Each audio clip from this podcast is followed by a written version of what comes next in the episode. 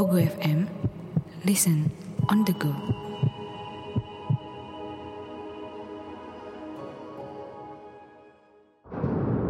Hai, saya Chow Sing Sing. Selamat datang di podcast Horror Night Story. Pasang telinga, buka pikiran, dan biarkan rasa takut merayap di dalam dirimu. Selamat mendengarkan.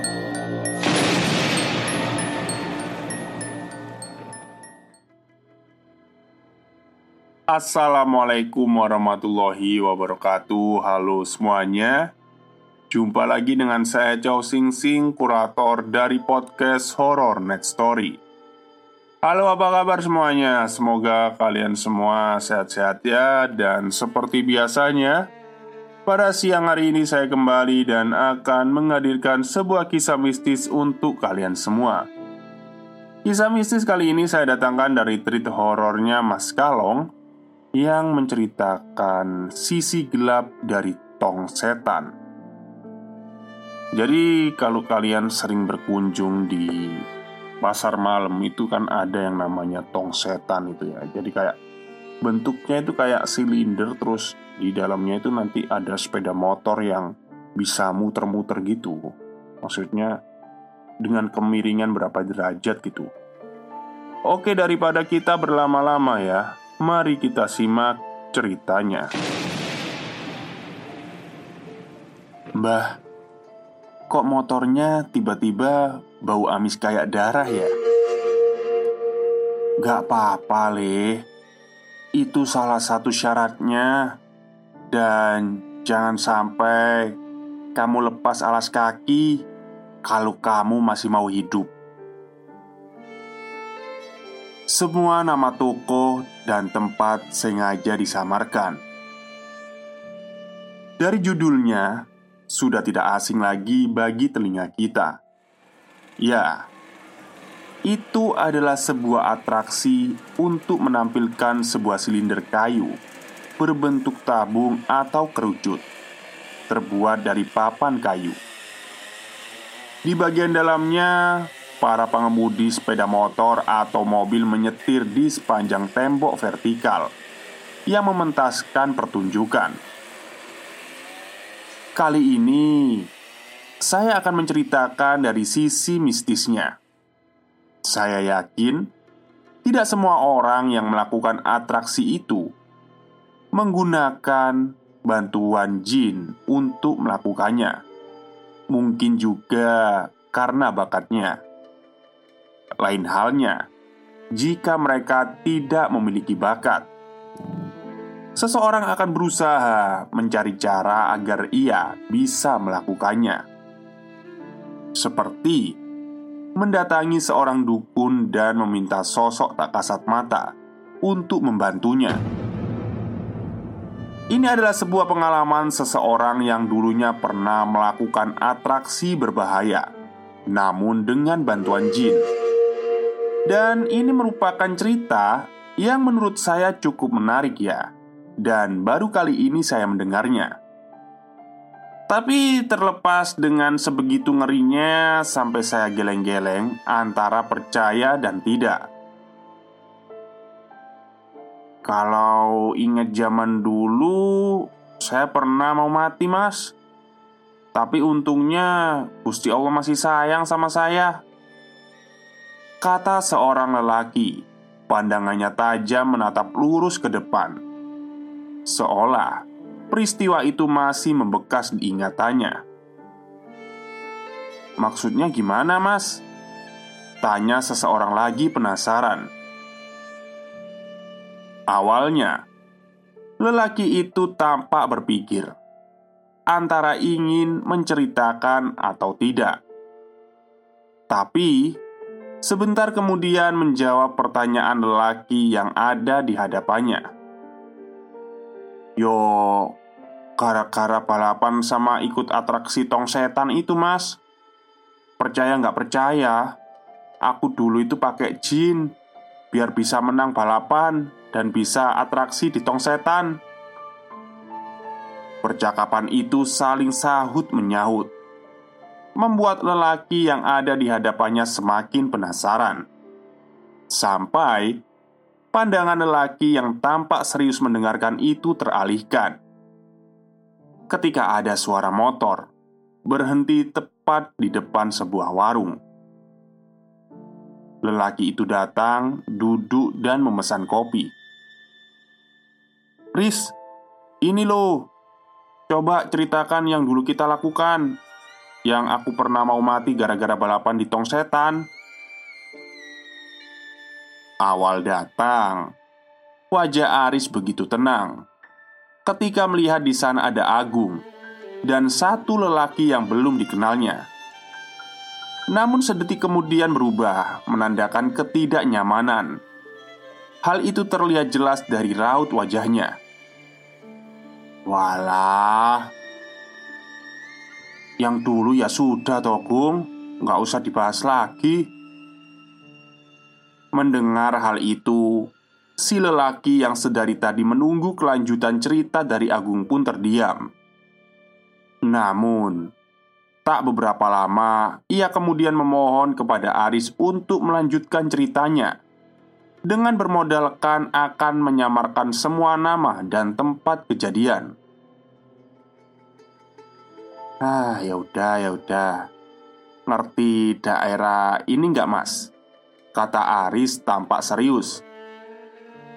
Si lelaki itu memandang ke Agung sebentar dan kemudian mengangguk. Ya awalnya dari sana mas. Dan di sinilah malapetaka itu dimulai. Aris dan Agung mereka merupakan pemuda yang berlatar belakang berbeda, namun memiliki satu hobi yang sama, mereka sama-sama masih mempercayai tahayul, dikarenakan mereka berdua yang dibesarkan di kampung yang notabene masih mempercayai klinik.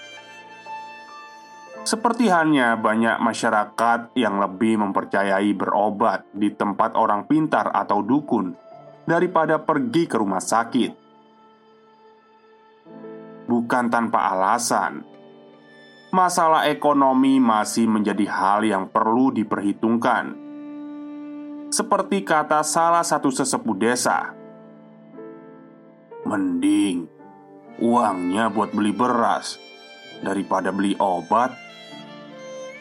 Orang zaman dulu itu masih bisa hidup prihatin daripada zaman sekarang.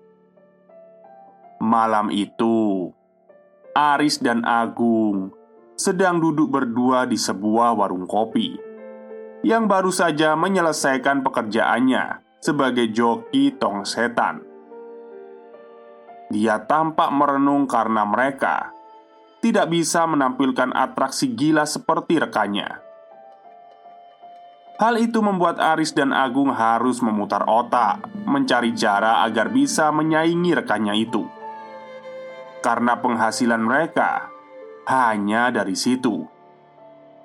Yang mereka takutkan yaitu ketika mereka berdua berhenti dari pekerjaannya. Sebelumnya, saya akan menceritakan dulu awal mula Agung dan Aris memiliki niatan untuk menjadi joki di tong setan. Mengingat Agung sebagai tulang punggung keluarga, mengharuskan dan mewajibkan dia untuk mencari uang yang cukup untuk memenuhi kebutuhan sehari-hari. Agung ditinggal pergi oleh kedua orang tuanya karena ada suatu masalah yang rumit yang tidak bisa saya jelaskan di sini. Kemudian, Agung ini diasuh oleh Pak D dari bapaknya. Bahkan Agung rela menjadi kuli bangunan ketika tak ada jadwal atraksi. Berbeda halnya dengan Aris Teman semasa kecilnya ini Aris dari keluarga yang bisa dikatakan cukup mapan Pekerjaan orang tuanya sebagai petani sebenarnya mampu untuk menyekolahkan Aris sampai ke tingkat perguruan. Namun, Aris lebih memilih untuk mendalami hobinya dalam hal otomotif dengan satu alasan, yaitu perkara waktu. Hingga pada suatu ketika, Aris memiliki ide konyol yang itu akan berimbas atau berakibat fatal untuk mereka berdua. Oke, kita balik lagi ke Agung dan Aris. Gung, apa kita minta tolong aja sama Mbah Manto? Minta tolong apa, Riz? Saud Agung penasaran. Ya, minta pegangan gitu. Biar kita bisa atraksi yang tidak semua orang lakukan. Itu juga bisa untuk balapan, Gung. Siapa tahu kita menang. Kan bisa buat nambah penghasilan. Kata Aris penuh antusias. Agung Sejenak terdiam. Kepalanya manggut-manggut. Seolah solusi yang diberikan Aris ada benarnya tanpa menunggu Aris menjelaskan kembali, Agung pun mengiyakan. "Kapan kita ke rumahnya Mbak Mantoris?" Ucap Agung balik bertanya. "Ah, sekarang gimana?" Jawab Aris spontan. "Eh, ya udah yuk." Sesampainya di sana, Agung dan Aris berjalan beriringan menembus jalanan redup dan sedikit becek untuk bisa sampai pada sebuah rumah sederhana. Langkah kaki mereka terhenti tepat di depan tangga kayu yang mengarah ke atas, di mana terdapat sebuah pintu papan sebagai akses utama untuk masuk ke dalam. Sunyi dan hening sebentar terasa menyentuh jiwa Agung dan Aris. Namun, dari semua itu, tak bisa dipungkiri oleh mereka berdua bila ada ketidaknyamanan mulai menghinggapi. Loh, ada tamu rupanya. Agung dan Ari sedikit terkejut mendengar suara pintu terbuka disusul suara serak seorang lelaki tua berbaju batik lusuh dengan paduan belangkon kain hitam. Iya mbah. Ini saya sama Agung Saud Aris. Oh kalian toh. Sini masuk. Ajak Mbah Manto dengan wajah datar. Tanpa menyaut dan menunggu ajakan Mereka berdua segera menaiki tangga kayu dan melangkah masuk. Sesampainya di dalam, tubuh Agung seketika merinding Wajah Pias begitu kentara melihat seluruh isi dalam rumah. Di mana? Di setiap sudut ruangan berdinding papan tertutupi oleh kain hitam yang menjuntai.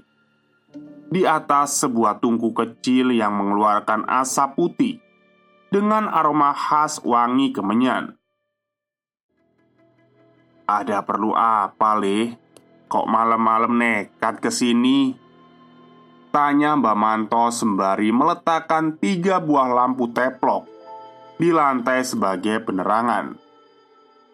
Oh, gini mbah.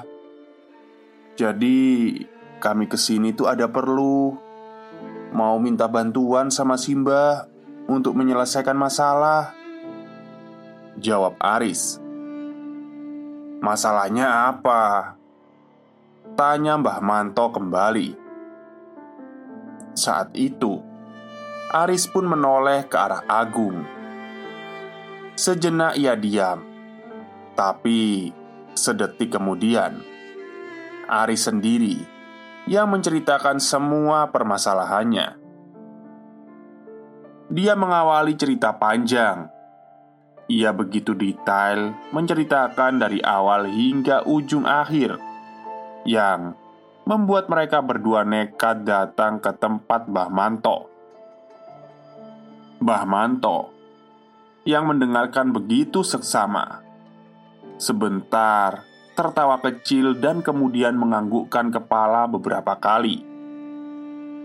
Matanya yang cekung sesaat menatap Agung dan Aris bergantian. Sebelum tatapannya lekat tertuju pada Agung, yang sedang sibuk duduk bersimpu. Kalau gitu, yang sekarang kalian mau itu apa? Apa yang harus saya lakukan untuk bisa membantu urusan kalian berdua? Ucap Mbah Manto. Setelah itu, Aris pun menjawab, "Saya minta pegangan, Mbah, untuk tujuan pekerjaan, dan saya siap asal apa yang menjadi keinginan kami bisa terwujud." Mbah Manto tersenyum tipis. Perbincangan itu terus berlanjut dengan semua tujuan dan apa yang diinginkan oleh Aris dan Agung.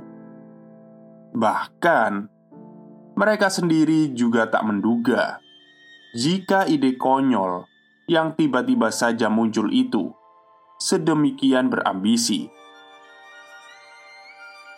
Sebelumnya, Simba jelaskan dulu ya. Apa yang kamu minta ini tidak mudah. Ini ada syaratnya. Syaratnya nopo, Mbah? Syaratnya barang ini hanya bisa dipakai oleh kalian berdua. Kalau sampai ada orang lain yang make, Simba nggak tanggung jawab karena nyawa taruhannya. Ucap Bah Manto menjelaskan sambil menatap Aris dan Agung bergantian. Hmm, maksudnya Mbah? Agung yang sedari tadi diam memberanikan diri untuk bertanya. Maksudnya, nanti motor yang akan kalian pakai itu akan Simba isi dengan barang halus, dan yang bisa menggunakan ya cuma kalian berdua. Tapi kalau sampai ada orang lain yang menaiki motornya, Simba bisa memastikan nyawanya terancam. Dan satu lagi, jangan sampai kalian melepas alas kaki ketika menaiki motornya. Itu pantangan. Jantung Agung seakan berhenti berdetak setelah mendengar penjelasan dari Mbah Manto. Ia kemudian menoleh ke arah Aris yang disusul dengan anggukan. Namun, hal itu tak menyurutkan niat mereka berdua. Toh, memang hanya mereka berdua yang bisa menggunakan kendaraan dua tak yang sudah dimodif sedemikian rupa itu.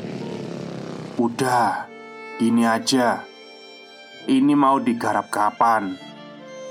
Kalau sekarang motornya dibawa apa enggak? Kalau nggak dibawa ya diambil dulu. Tapi kalau udah dibawa ya sekarang bisa dimulai ritualnya. Sambung Mbah Manto. Nggih, Mbah.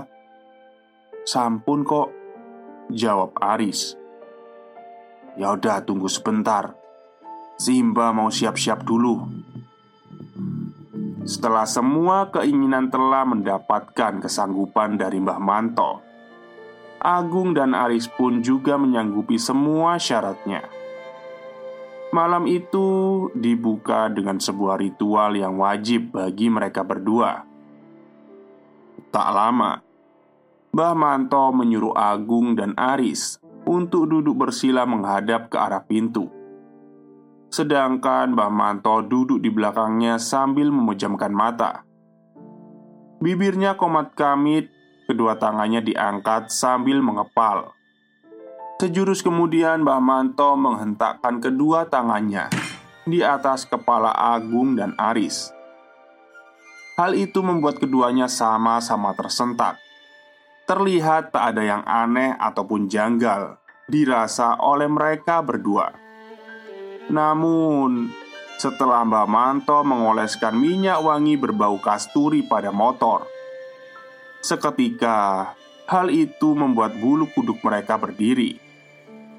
Motor itu bergerak sendiri seolah ada sesuatu atau seseorang yang sedang menaikinya. Bah, kok motornya tiba-tiba kayak bau amis darah ya?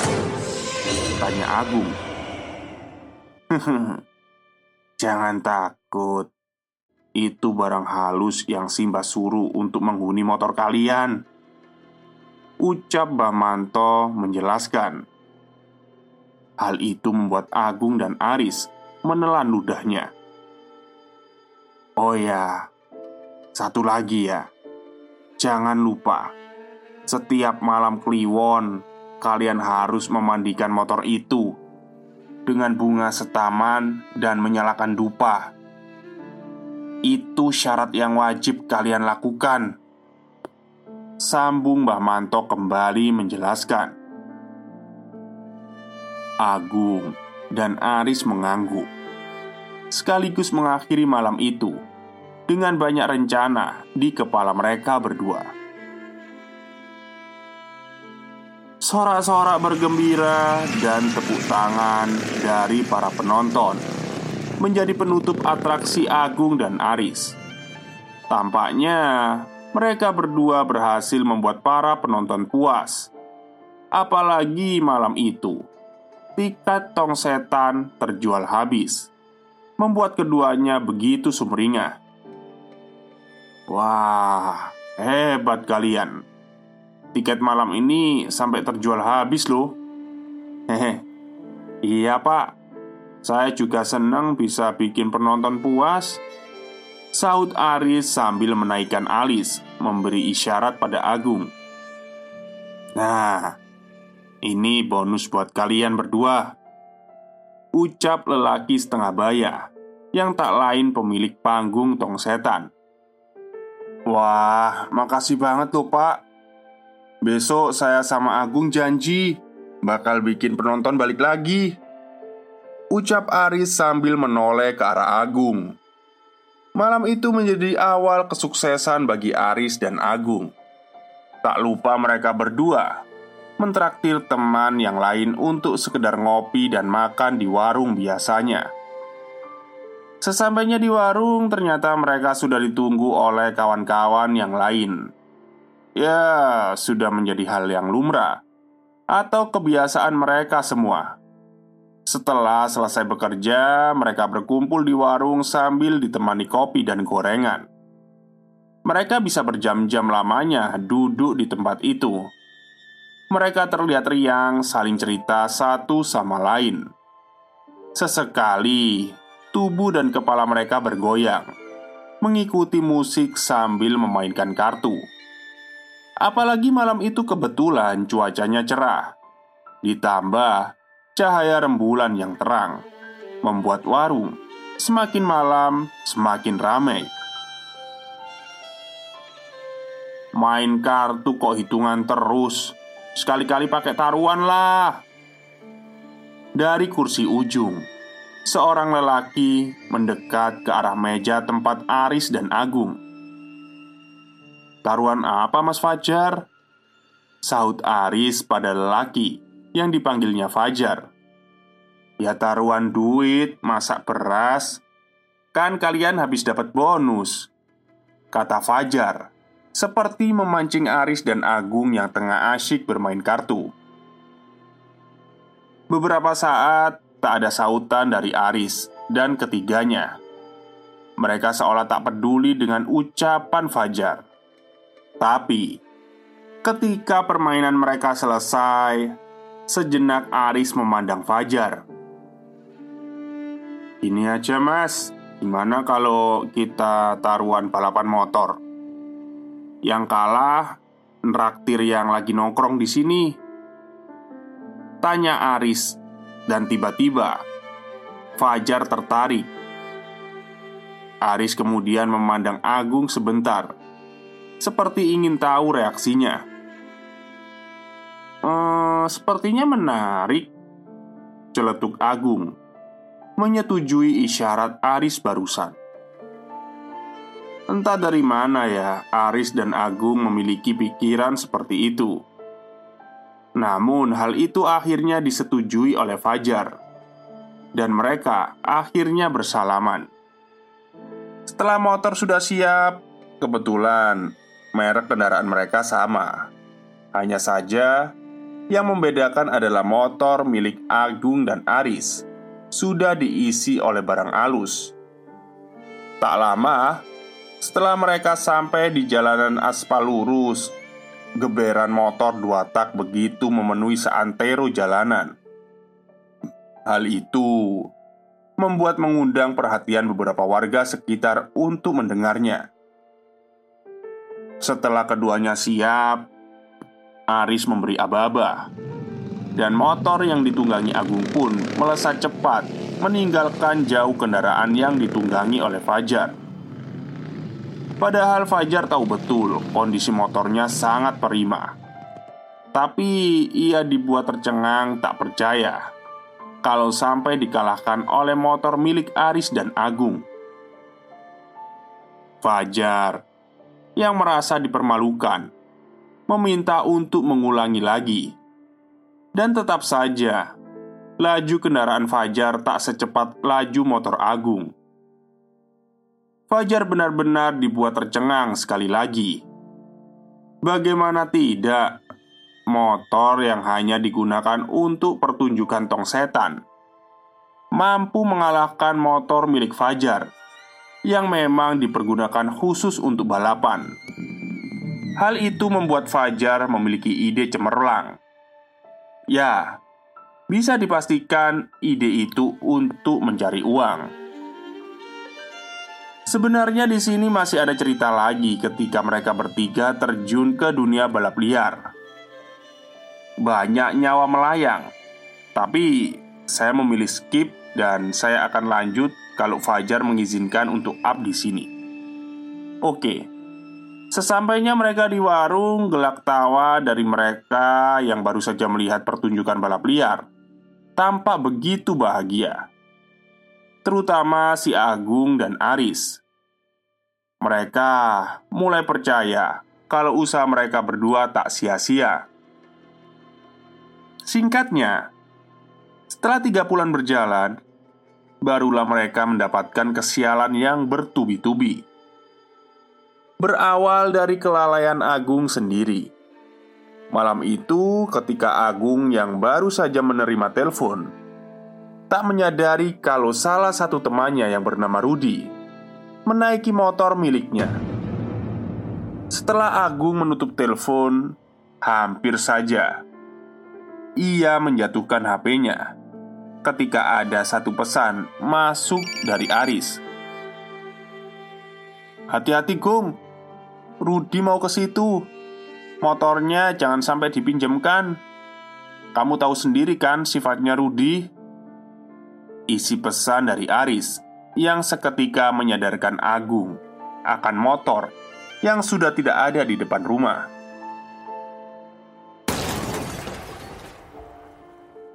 Selagi Agung kebingungan mencari, satu pemandangan mengerikan terhampar di depannya. Lebih tepatnya, 10 meter di depan tepat di bawah tiang listrik pinggir jalan. Teriakan dan jeritan dari warga serta pengguna jalan membuatnya tersadar. Di sana ada sebuah kecelakaan dan baru saja terjadi. Sejenak Agung tertegun menatap sebuah sepeda motor dua tak yang tak asing tergeletak tanpa kerusakan. Sedangkan pengendaranya tergeletak tak jauh dari motor yang ditungganginya. Sekilas, Agung mengamati sosok pengemudi yang terjatuh itu, dan beberapa orang mulai mengerumuninya ada satu sosok yang menjadi perhatiannya. Sosok berambut panjang dengan hiasan manik-manik. Sekilas tak ada yang aneh dari sosok itu. Ia membaur dengan yang lain, menatapi tubuh lunglai sang pengendara. Namun, sejurus kemudian sosok itu terlihat menari-nari, seolah-olah tengah bahagia. Dan yang membuat Agung terkejut bukan dari sosok perempuan yang menari itu, melainkan tepat di samping korban yang terkapar.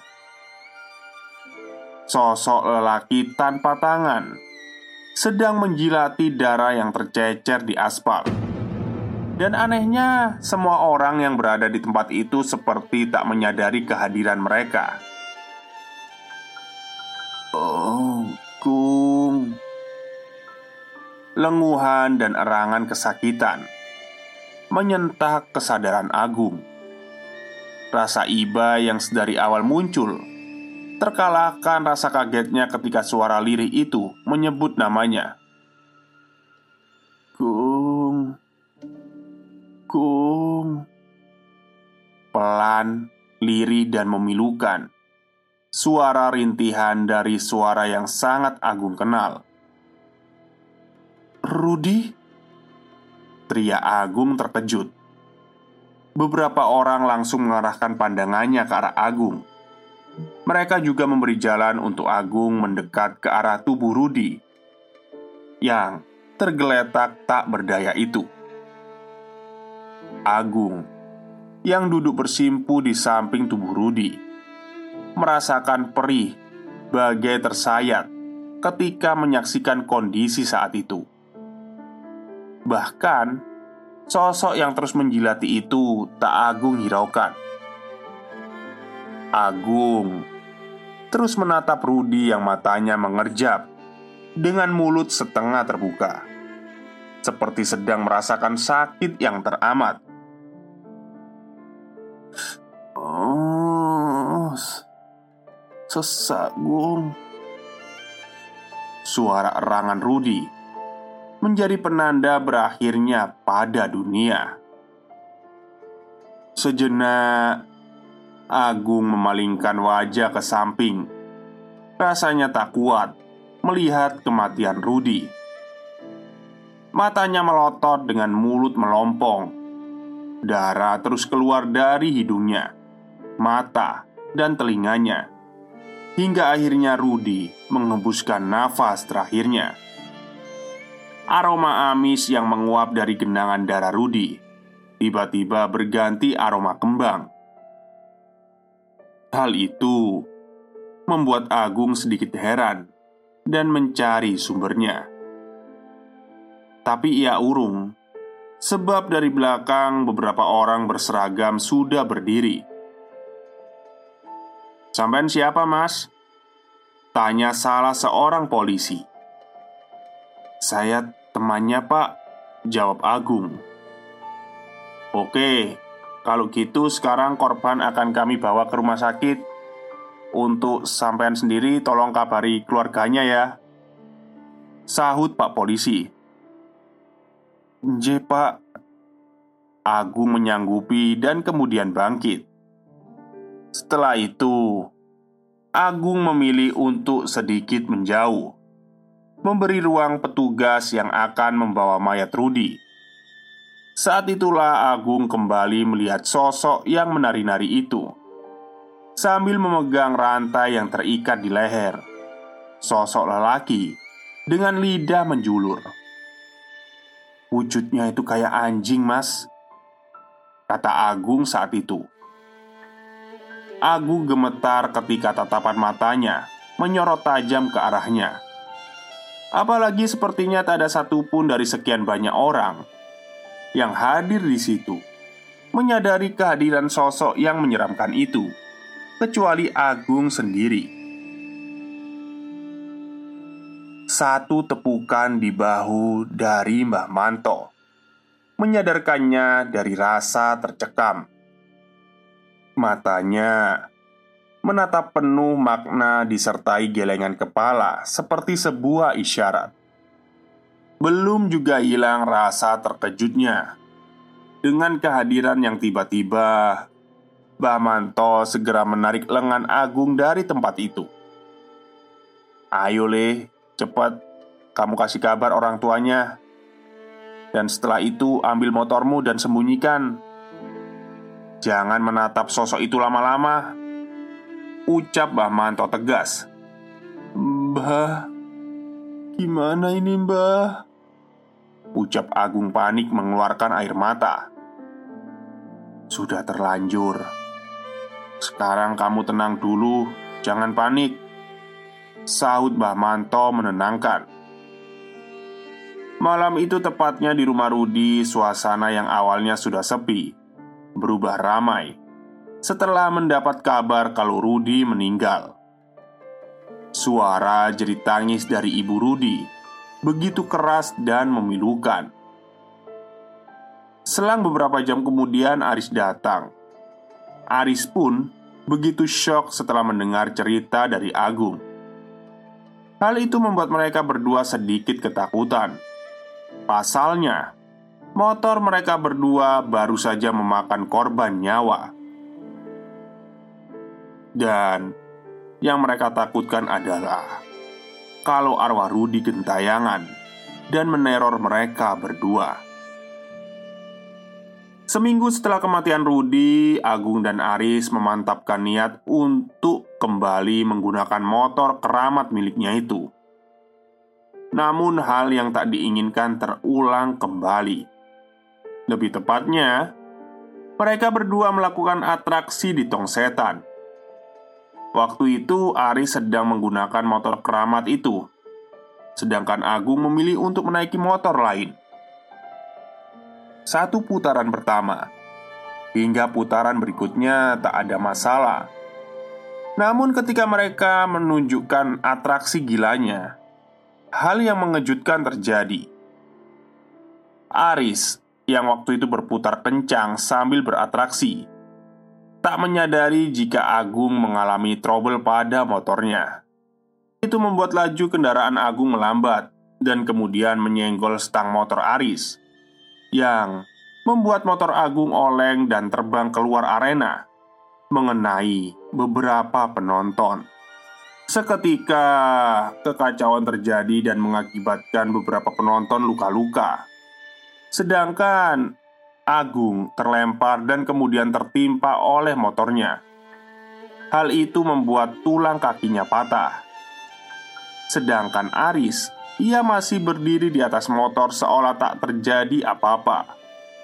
Aris bahkan tak sadar kalau ia sedang menari di atas motor yang sedang melaju dengan kemiringan, yang mungkin kalau dipikir secara logis tidak ada yang mungkin bisa. Aris tersadar ketika salah satu rekannya melempari sesuatu tepat mengenai kepalanya. Hal itu membuat Aris terhenyak dan kemudian ikut terjatuh bersamaan dengan motor. Hingga keduanya akhirnya pensiun dan tidak memakai motor itu lagi. Nah, desas-desusnya Seseorang yang membeli motor keramat itu mampu mengalahkan pembalap profesional sekalipun bahkan sempat mengalami kecelakaan ketika balapan dan berakhir tragis. Banyak yang menjadi saksi kalau motor itu bisa melaju tanpa joki di setiap malam tertentu. Hingga kini, motor itu dijadikan hiasan di tempat seseorang yang dirahasiakan namanya. Nah, ini hadiahnya, Mas. Ucap Agung sembari memperlihatkan kakinya yang diamputasi kepada lelaki di depannya. Selesai. Oke, itulah cerita dari narasumbernya Mas Kalong ya. Mungkin bisa jadi motor itu kalau diikutkan balapan MotoGP menang ya itu ya. Atau kalau enggak ya jadi Ghost Rider gitu. Maksudnya kan itu tanpa joki juga bisa jalan gitu.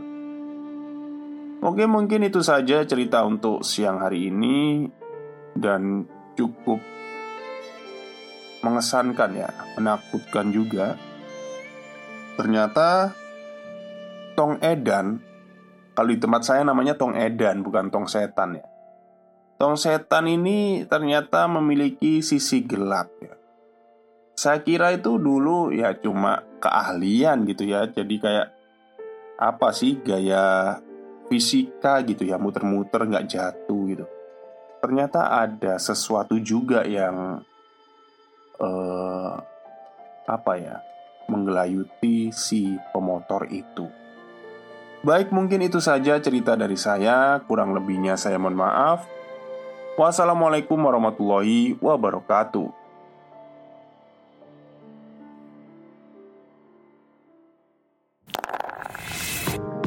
Kamu tim kura-kura, kupu-kupu, atau kuda-kuda? Ngomongin seputar kehidupan kampus, emang gak ada habisnya. Apalagi bareng kita, di Podcast Nirvana. Bareng gua Dito, Tita, dan Max, yang rilis setiap hari Kamis dan Minggu, eksklusif hanya di Pogo FM.